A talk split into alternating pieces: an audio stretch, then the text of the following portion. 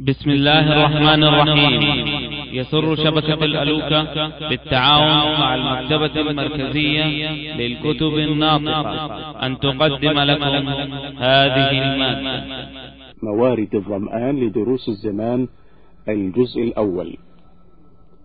فالعاقل هو الذي يعمل مجدا لآخرته ولا ينسيه نصيبه من الدنيا. حظه من الآخرة ولا ينسيه نصيبه من الدنيا حظه من الآخرة. عاملا بقوله تعالى وابتغ فيما آتاك الله الدار الآخرة ولا تنس نصيبك من الدنيا. ولو أنه تأمل قليلا لوجد أن لذائذ الدنيا متولدة من آلامها. فمثلا لذة الطعام لا تتحقق إلا بألم الجوع ولذة الشراب لا بد أن يسبقها حرقة العطش ولذة النوم. لا يجد الإنسان لها شوقا إلا بعد أن يضنيه التعب الشديد. وهناك نوع آخر من الحكمة غفل عنها غفل عنها الكثيرون من الناس وهو أنها بمثابة براطيل. وهو أنها بمثابة براطيل تحمل الإنسان على قوامه وبقاء حياته فلذة الطعام تدفعه إلى ألا يهمل جسمه من الغذاء. ولولا ما جعل الله من لذة النكاح لانقرض النوع الإنساني من الوجود. ولما وجدنا دابة تدب على وجه الأرض ولا طائرا يطير في السماء وكذلك فرحة الأم بطفلها تنسيها آلام الحمل والوحم والولادة والتعب والنصب والرضاع والسهر الطويل في التمريض مما يقض مضجعها وينسيها نفسها. فسبحان الحكيم العليم الذي خلق كل شيء فقدره تقديرا. انتهى بتصرف يسير. موعظة. كتب الحسن إلى عمر بن عبد العزيز في ذم الدنيا كتابا طويلا. قال فيه أما بعد فإن الدنيا دار ضعن ليست بدار مقام وإنما أنزل إليها آدم عقوبة فاحذرها يا أمير المؤمنين فإن الزاد منها تركها والغنى فيها فقرها تذل من أعزها وتفقر من جمعها كالسم يأكله من لا يعرفه وهو حتفه فاحذر هذه الدار الغرارة الختالة الخداعة. فاحذر هذه الدار الغرارة الختالة الخداعة وكن أسر ما تكون فيها. احذر ما تكون لها وكن أسر ما تكون فيها. أحذر واحذر ما تكون لها. سرورها مشوب بالحزن. وصفوها مشوب بالكدر فلو كان الخالق لم يخبره عنها خبرا فلو كان الخالق لم يخبره عنها خبرا ولم يضرب لها مثلا لكنت, أيق... لكنت قد أيقظت النائم ونبهت الغافل. فكيف وقد جاء من الله عز وجل عنها زاجر وفيها واعظ فما لها عند الله سبحانها قدر ولا وزن وما ما نظر إليها منذ خلقها ولقد عرضت على نبينا صلى الله عليه وسلم مفاتيحها وخزائنها لا ينقص عند الله جناح بعوضة فأبى أن يقبلها وكره أن يحب ما أبغضه خالقه أو أن يرفع ما وضعه مليكه. زواها الله عن الصالحين اختيارا وبسطها لأعدائه اغترارا. أفيظن المغرور بها أنه أكرم بها ونسي ما صنع الله بمحمد صلى الله عليه وسلم حين شد على بطنه الحجر والله ما أحد من الناس بسط له في الدنيا فلم يخف أن يكون مكرا فلم يخف أن يكون مكرا إلا كان قد نقص عقله وعجز رأيه. وما أمسك عن عبد فلم يظنه خيرا له فيها إلا نقص عقله وعجز رأيه. شعرا إلى دنياك انظر. إلى دنياك أنظر باعتبار تجدها دار ذل مع فناء إلى كم تحمل الأوزار فيها مع الشهوات تسري يا مرائي أما آن انتباهك مع من غرور؟ أما آن انتباهك من غرور؟ به أصبحت بين الأغبياء تيقظ وانتبه واقبل بقلب على مولاك تظفر باهتداء وقف بالباب واطلب منه عفوا عسى تحظى بصبح أو مساء. وصلى الله على محمد وآله وصحبه. موعظة. وقال الشيخ الواسطي في بعض رسائله إذا أراد الله بعبد خيرا أقام في قلبه شاهدا من ذكر الآخرة. يريد فناء الدنيا وزوالها وبقاء الآخرة ودوامها فيزهده في الفاني ويرغبه في الباقي فيبدأ في السير والسلوك في طريق الآخرة وأول السير فيها تصحيح التوبة والتوبة لا تتم إلا بالمحاسبة ورعاية الجوارح السبعة العين والأذن واللسان والبطن والفرج واليد والرجل وأيضا بكفها عن جميع المحارم والمكاره والفضول. والفضول هذا أحد شطري الدين ويبقى الشطر الآخر وهو القيام بالأوامر فتحقيق الشطر الأول وهو ترك المناهي من قلبه وقالبه. أما القالب فلا يعصي الله بجارحة من جوارحه ومتى زل أو أخطأ تاب. وأما القلب فتنقى منه الموبقات. وأما القلب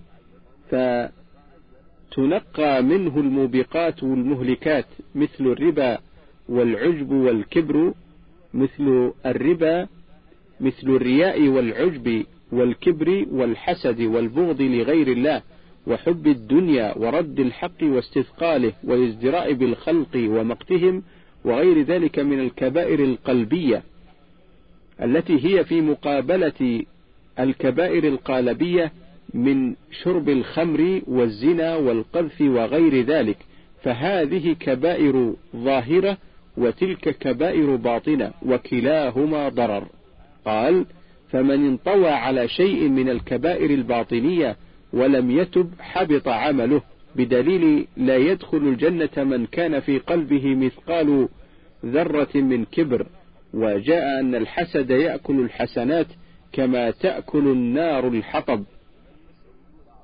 وجاء بقوله تعالى أنا أغنى الشركاء عن الشرك من عمل عملا فأشرك معي فيه غيري تركته وشركه.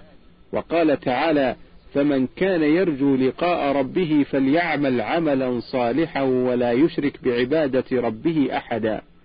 فمتى تنقى القلب من مثل هذه الخبائث والرذائل طهر وسكنت فيه الرحمة في مكان البغض والتواضع في مقابلة الكبر والنصيحة في مقابلة الغش والإخلاص في مقابلة الرياء ورؤية المنة في مقابلة العجب ورؤية النفس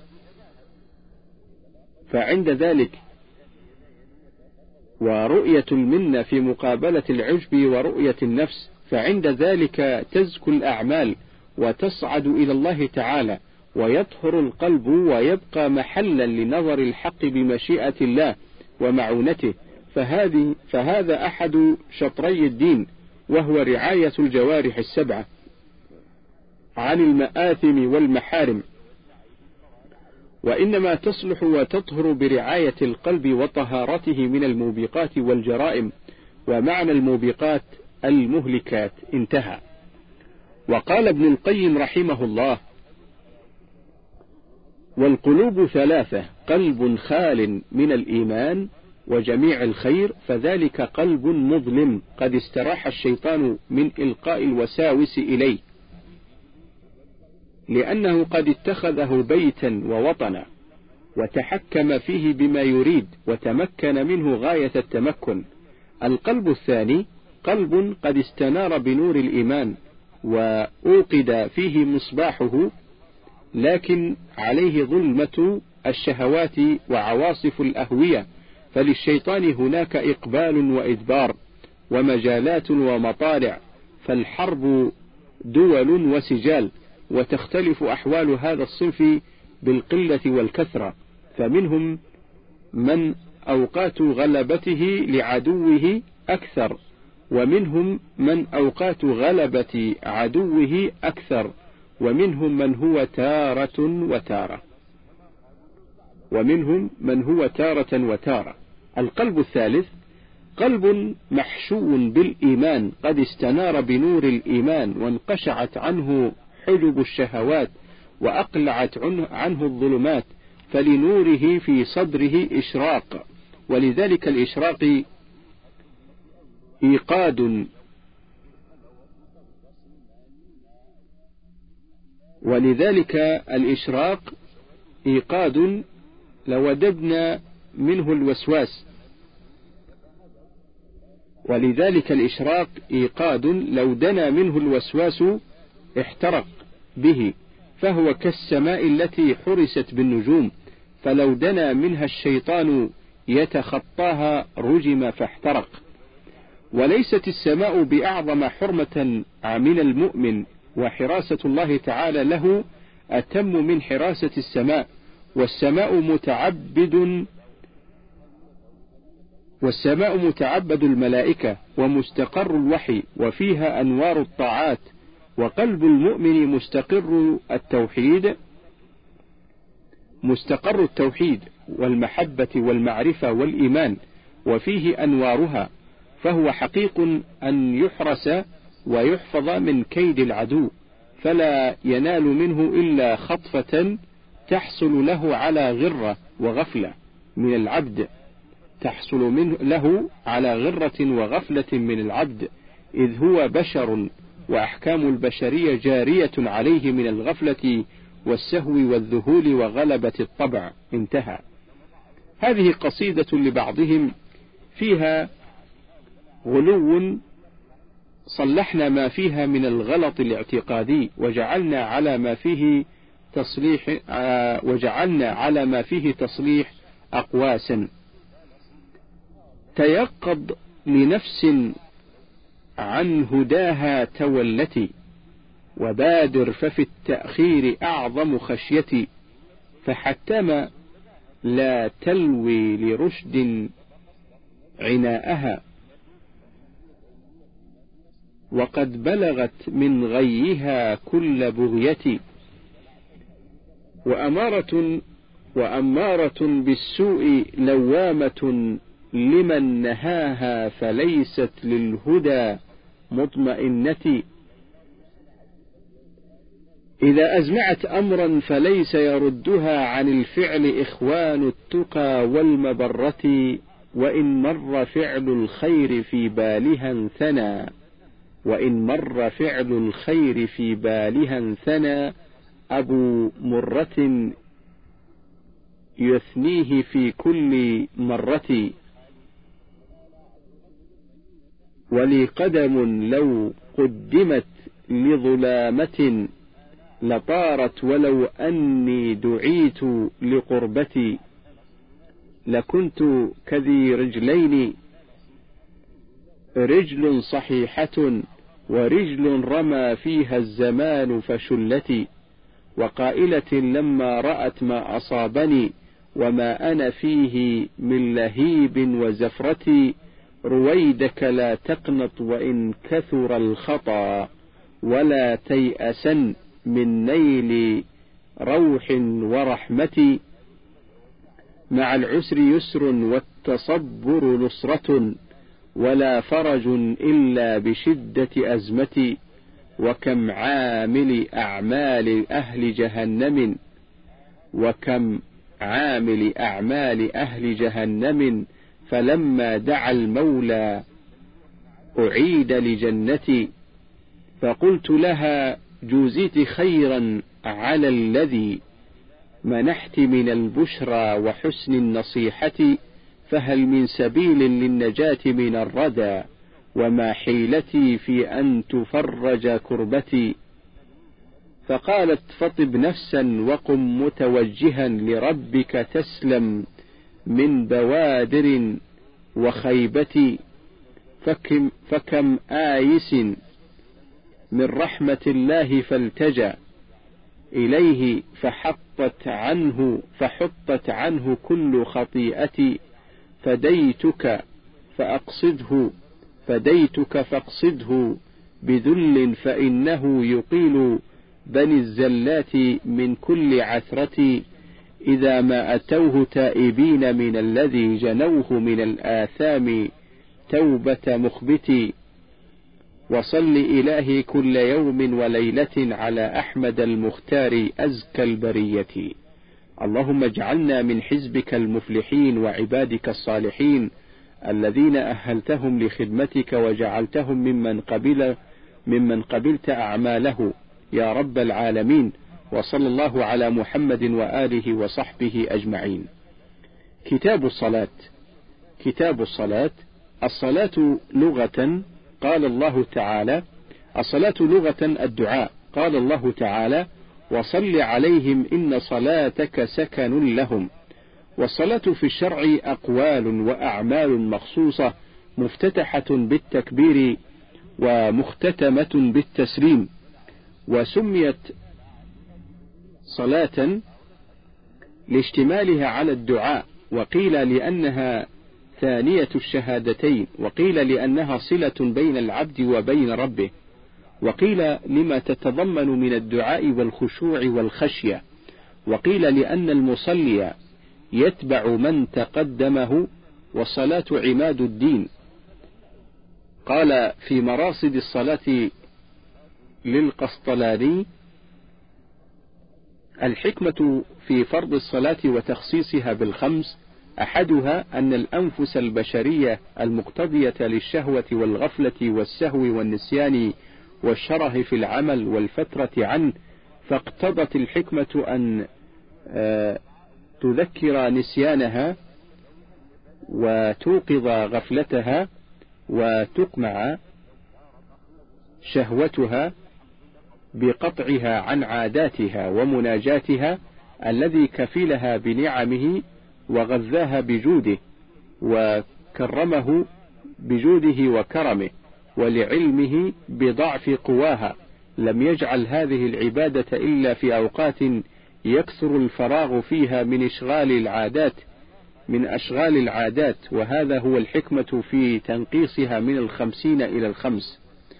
والوجه الثاني أن العبد في هذه الدار يعمل لنجاته في الدار الأخرى وهي مشتملة على أهوال ومشاق ومتاعب وأمام العبد دونها خمس عقبات الأولى الدنيا وشرورها وآفاتها ومحذوراتها وشواغلها وعلائقها القاطعة عن مزيد السعادة. الثانية الموت وما يخشى من فتنة وشدة سكراته. الموت وما يخشى من فتنته وشدة سكراته وما يشاهد عنده من الأمور العظام والآلام الجسام. الثالثة القبر وضيقته ووحشته وسؤال منكر ونكير وذلك صعب خطير. الرابعة المحشر وهو المحشر وهوله وما فيه من الخوف الشديد والفزع الأكيد. الخامسة الحساب وما يخشى فيه بعد العتاب من وقوع العقاب فكان فعل الصلوات الخمس مسهلا لهذه العقبات محصلا لنيل المسرات في دار الكرامات وهي أجل مباني الإسلام بعد الشهادتين ومحلها من الدين محل الرأس من الجسد فكما أنه لا حياة لمن لا رأس له فكذلك لا دين لمن لا صلاة له. وهي خاتمة وصية رسول الله صلى الله عليه وسلم عند آخر عهده من الدنيا. فعن أنس رضي الله عنه قال كانت عامة وصية رسول الله صلى الله عليه وسلم حين حضرته الوفاة وهو يغرغر بنفسه الصلاة وما ملكت أيمانكم رواه أحمد وأبو داود. وهو أول ما يحاسب به العبد يوم القيامة كما ورد بذلك الحديث عن أبي هريرة رضي الله عنه قال سمعت رسول الله صلى الله عليه وسلم يقول إن أول ما يحاسب به العبد يوم القيامة من عمله صلاته فإن صلحت فقد أفلح وأنجح وإن فسدت فقد خاب وخسر. الحديث أخرجه الترمذي.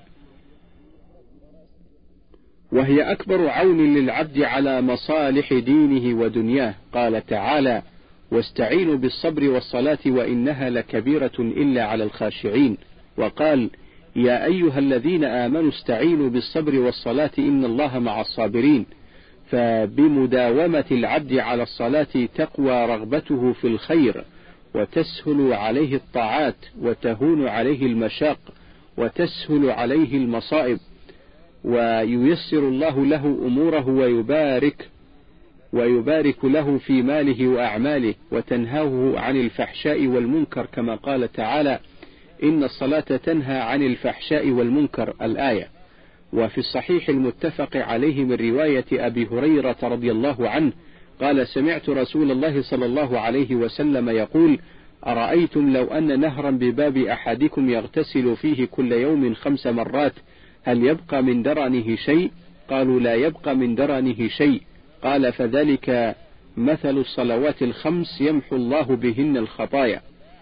وورد من حديث ثوبان رضي الله عنه قال قال رسول الله صلى الله عليه وسلم استقيموا ولم تحصوا واعلموا أن خير أعمالكم الصلاة ولا يحافظ على الوضوء إلا مؤمن.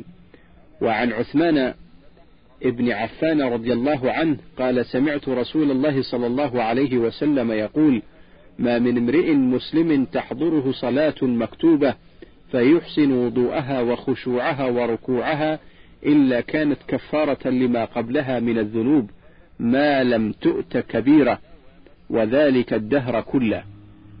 وفي البخاري ومسلم عن ابن مسعود رضي الله عنه قال سألت رسول الله صلى الله عليه وسلم أي العمل أحب إلى الله تعالى؟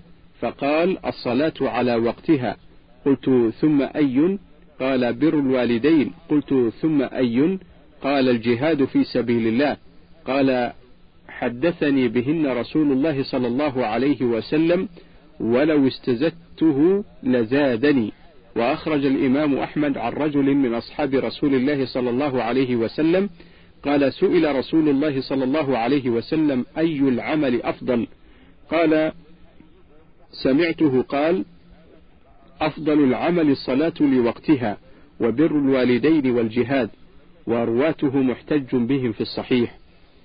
اللهم جنبنا البدع والمنكرات واغفر لنا جميع الزلات ووفقنا للأعمال الصالحات وأسكننا فسيح الجنات وجميع المسلمين الأحياء منهم والأموات برحمتك يا أرحم الراحمين وصلى الله على محمد وعلى آله وصحبه أجمعين. فصل. قال ابن القيم رحمه الله إذا وقف في الصلاة صاحب القلب العامر بمحبة بمحبة الله وخشيته والرغبة فيه وإجلاله وتعظيمه وقف بقلب مخبت خاشع له قريب منه سليم من معارضات السوء. فقد امتلأت أرجاؤه بالهيبة وسطع فيه نور الإيمان وكشف عنه حجاب النفس ودخان الشهوات فيرتع في رياض معاني القرآن. وخالط قلبه بشاشة الإيمان بحقائق الأسماء والصفات وعلوها وجلالها الأعظم. وجلالها الأعظم وتفرد الرب سبحانه بنعوت جلاله وصفات كماله فاجتمع همه على الله وقرت عينه به وأحس بقربه من الله قربا لا نظير له ففرغ قلبه له وأقبل عليه بكليته وهذا الإقبال منه بين إقبالين من ربه فإنه سبحانه أقبل عليه أولا فانجذب قلبه بإقباله. فلما أقبل على ربه حظي منه إقبالا آخر أتم من الأول. وها هنا عجيبة من عجائب الأسماء والصفات تحصل لمن تفقه قلبه. تحصل لمن تفقه قلبه في معاني القرآن وخالط بشاشة الإيمان به قلبه. وخالط بشاشة الإيمان بها قلبه بحيث يرى لكم اسم وصفة موضعة من صلاته ومحلا منها فإذا انتصب قائما بين يدي الرب تبارك وتعالى شاهد بقلبه قيومي قيوميته. وإذا قال الله أكبر شاهد كبرياءه. وإذا قال سبحانك اللهم وبحمدك وتبارك اسمك وتعالى جدك ولا إله غيرك شاهد بقلبه ربا منزها عن كل عيب سالما من كل نقص محمودا بكل حمد فحمده يتضمن وصفه بكل كمال وذلك يستلزم براءته من كل نقص تبارك اسمه فلا يذكر على قليل إلا, كث إلا كثره فلا يذكر على قليل إلا كثره ولا على خير إلا أنماه. وبارك فيه. ولا على آفة إلا أذهبها ولا على الشيطان إلا طرده خاسئا داحرا وكمال الاسم من كمال مسماه. وكمال الاسم من كمال مسماه. فإذا كان هذا شأن اسمه الذي لا يضر معه شيء في الأرض ولا في السماء فشأن المسمى أعلى وأجل. وتعالى جده. أي ارتفعت عظمته وجلت. فوق كل عظمة وعلى شأنه على كل شأن وقهر سلطانه على كل سلطان فتعالى جده أن يكون معه شريك في ملكه وربوبيته أو في ألوهيته أو في صفاته كما قال مؤمن الجن وأنه تعالى جد ربنا ما اتخذ صاحبة ولا ولدا. فكم في هذه الكلمات من تجل لحقائق الأسماء والصفات على قلب العارف بها غير المعطل لحقائقها. وإذا قال أعوذ بالله من الشيطان الرجيم فقد آوى إلى ركنه الشديد واعتصم. فقد أوى إلى ركنه الشديد واعتصم بحوله وقوته من عدوه الذي يريد أن يقطعه عن ربه ويباعده عن قربه ليكون أسوأ حالا. فإذا قال الحمد لله رب العالمين وقف هنيهة يسيرة ينتظر جواب ربه له بقوله حمدني عبدي فإذا قال الرحمن الرحيم انتظر الجواب بقوله أثنى علي عبدي فإذا قال مالك يوم الدين انتظر جوابه بقوله مجدني عبدي. فيا لذة قلبه وقرة عينه وسروره فيا لذة قلبه وقرة عينه وسرور نفسه بقوله بقول ربه عبدي ثلاث مرات فوالله لولا ما على القلوب من دخان الشهوات وغيم النفوس لاستطيرت فرحا وسرورا بقول ربها وفاطرها ومعبودها حمدني عبدي وأثنى علي عبدي ومجدني عبدي. ثم يكون لقلبه مجال من شهود هذه الأسماء الثلاثة التي هي أصول الأسماء الحسنى وهي الله والرب والرحمن فشاهد قلبه من ذكر اسم الله تبارك وتعالى إلها معبودا موجودا مخوفا لا يستحق العبادة غيره ولا تنبغي إلا له قد عنت له الوجوه وخضعت له الموجودات وخشعت له الأصوات تسبح له السماوات السبع والأرض ومن فيهن وأن من شيء وإن من شيء إلا يسبح بحمده وله من في السماوات والأرض كل له قانتون. وكذلك خلق السماوات والأرض وما بينهما وخلق الجن والإنس والطير والوحش والجنة والنار. وكذلك أرسل وأنزل الكتب وشرع الشرائع وألزم العباد الأمر والنهي. وشاهد من ذكر اسمه رب العالمين. قيوما قام بنفس بنفسه وقام به كل شيء فهو قائم على كل نفس بخيرها وشرها. قد استوى على عرشه وتفرد بتدبير ملكه فالتدبير كله بيده. مصير الأمور فالتدبير كله بيده. مصير الأمور كلها إليه فمراسيم التدبيرات نازلة من عنده على أيدي ملائكته بالعطاء والمنع والخفض والرفع والإحياء والإماتة والتوبة والعزل والقبض والبسط وكشف الكروب, الكروب وإغاثة الملهوف وإجابة المضطرين يسأله من في السماوات والأرض كل يوم هو في شأن.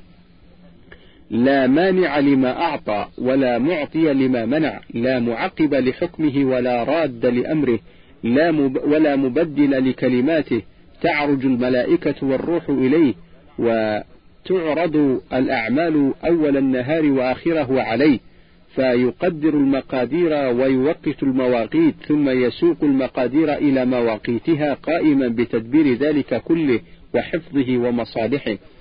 ثم يشهد عند ذكر اسمه الرحمن جل جلاله ربا محسنا إلى خلقه بأنواع الإحسان. ثم يشهد عند ذكر اسمه الرحمن جل جلاله ربا محسنا إلى خلقه بأنواع الإحسان متحببا إليهم بصنوف النعم.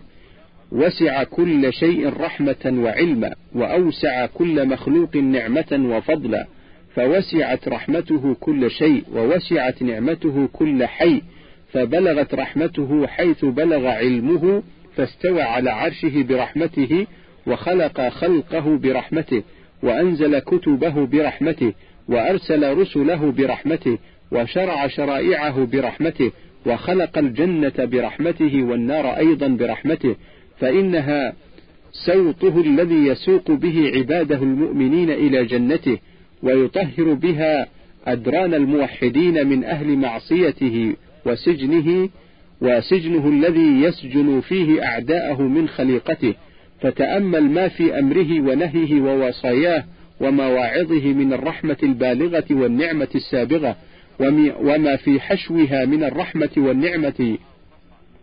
فالرحمة هي السبب المتصل منه بعباده كما أن العبودية هي السبب المتصل منهم به فمنهم إليه العبودية ومنه إليهم الرحمة.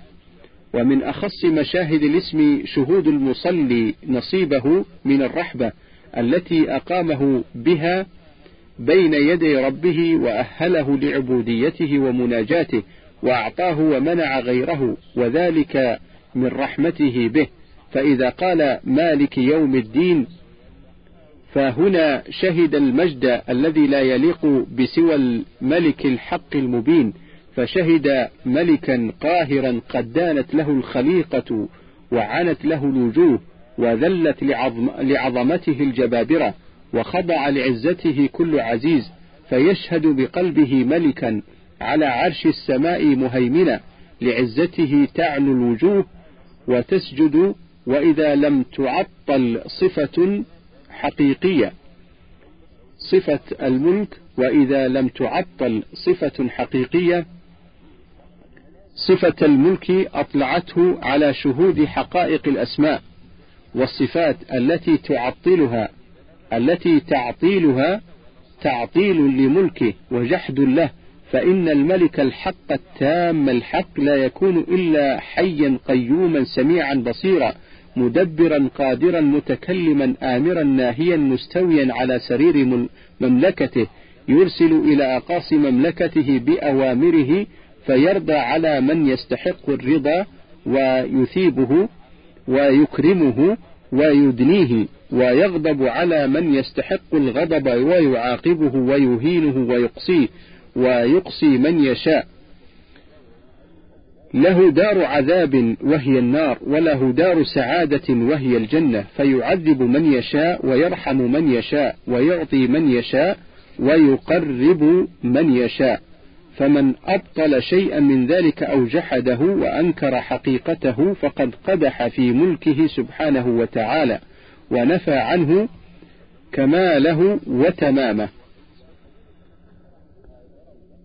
وكذلك من أنكر عموم قضائه وقدره فقد أنكر عموم ملكه وكماله فيشهد المصلي مجد الرب تبارك وتعالى في قوله مالك يوم الدين فإذا قال إياك نعبد وإياك نستعين ففيها سر الخلق والأمر والدنيا والآخرة وهي متضمنة لأجل الغايات وأفضل الوسائل فأجل الغايات عبوديته وأفضل الوسائل إعانته فلا معبود يستحق العبادة إلا هو ولا معين على عبادته غيره فعبادته أعلى الغايات وإعانته أجل الوسائل وقد أنزل سبحانه وتعالى مئة كتاب وأربعة كتب جمع معانيها في أربعة. وهي التوراة والإنجيل والقرآن والزبور وجمع معانيها في القرآن وجمع معانيه في المفصل وجمع معانيه في الفاتحة وجمع معانيها في إياك نعبد وإياك نستعين.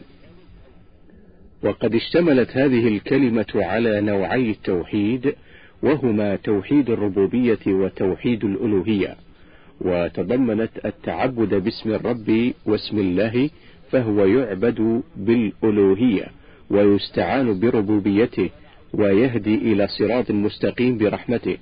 فكان أول سورة ذكر اسم الله والرب والرحمن تطابقا لأجل المطالب. من عبادته وإعانته وهدايته وهو المنفرد بإعطاء ذلك كله لا يعين على عبادته سواه ولا يهدي سواه ثم يشهد الداعي بقوله اهدنا الصراط المستقيم. شدة فاقته وضرورته إلى هذه المسألة التي ليس هو إلى شيء أشد, أشد فاقة وحاجة منه إليها. البتة.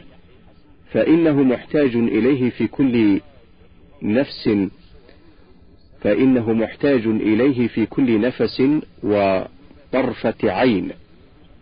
وهذا المطلوب من الدعاء لا يتم إلا بالهداية إلى الطريق الموصل إليه سبحانه والهداية فيه أي هداية التفصيل وخلق القدرة على الفعل وإرادته وتكوينه وتوفيقه لإيقاعه على الوجه المرضي المحبوب للرب سبحانه وتعالى وحفظه عليه من مفسدات من من مفسداته حال فعله وبعد فعله.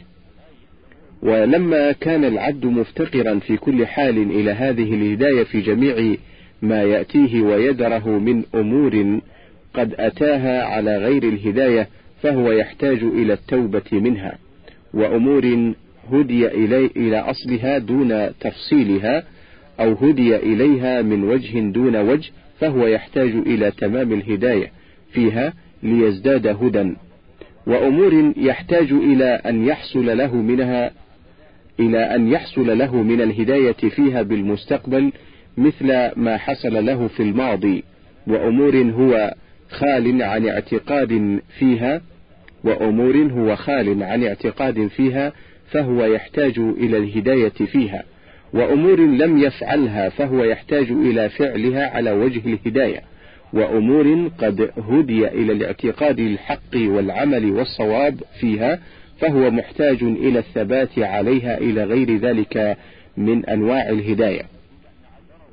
فرض الله سبحانه عليه أن يسأل هذه الهداية من في أفضل أحواله مرات متعددة في اليوم والليلة ثم بين أن ثم بين أن أهل هذه الهداية هم المختصون بنعمته دون المغضوب عليهم وهم الذين عرفوا الحق ولم يتبعوه ودون الضالين.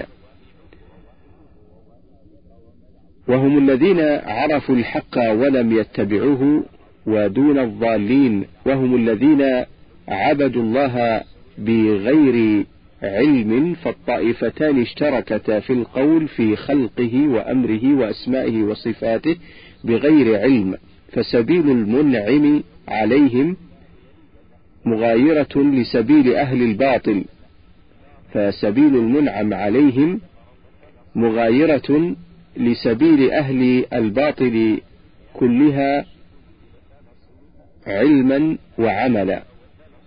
فلما فرغ من هذا الثناء والدعاء والتوحيد شرع له أن يطبع على ذلك بطابع بطابع من التأمين يكون كالخاتم له وافق فيه ملائكة السماء.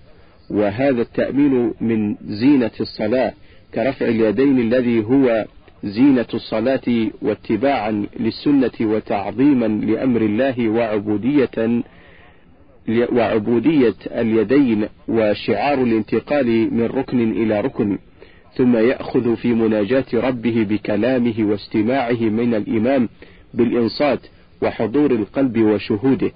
وقال رحمه الله والقول الجامع في تفسير الصراط المستقيم أنه الطريق الذي نصبه الله لعباده على ألسنة رسله وجعله موصلا لعباده إليه.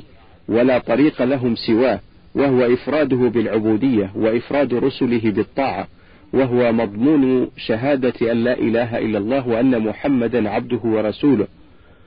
ونكتة ذلك وعقده أن أن تحبه بقلبك كله وترضيه وترضيه بجهدك فلا يكون في قلبك موضع إلا هو معمور بحبه. ولا تكون إرادة إلا متعلقة بمرضاته.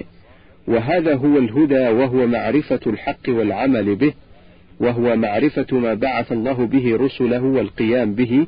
فقل ما شئت من العبارات التي هذا أحسنها. وقال والطريق إلى الله واحد لا تعدد فيه وهو صراطه المستقيم الذي نصبه موصلا لمن سلكه إلى الله. فمن الناس من يكون سيد عمله وطريقه إلى ربه طريق العلم والتعليم. قد وفر عليه زمانا مبتغيا به وجه الله فلا يزال عاكفا على طريق العلم حتى يصل من تلك الطريق إلى الله ويفتح له الفتح الخاص. أو يموت في طريق طلبه فيرجى له الوصول إلى مطلبه. ومنهم من يكون سيد عمله الذكر ومنهم من يكون طريقه الإحسان والنفع المتعدي ومنهم من يكون طريقه الصوم ومنهم من يكون كثرة تلاوة القرآن ومنهم من يكون طريقه الأمر بالمعروف والنهي عن المنكر ومنهم من يكون طريقه الحج والاعتمار ومنهم من يكون طريقه قطع العلائق وتجريد الهمة ودوام المراقبة وحفظ الأوقات أن تذهب ضائعة. ومنهم الجامع الفذ السالك إلى الله في كل واد الواصل إليه من كل طريق فهو جعل وظائف عبودية قبله قلبه ونصب عينيه. وقد شارك أهل وقد شارك أهل كل عمل وذلك فضل الله. من فضلك تابع بقية المادة.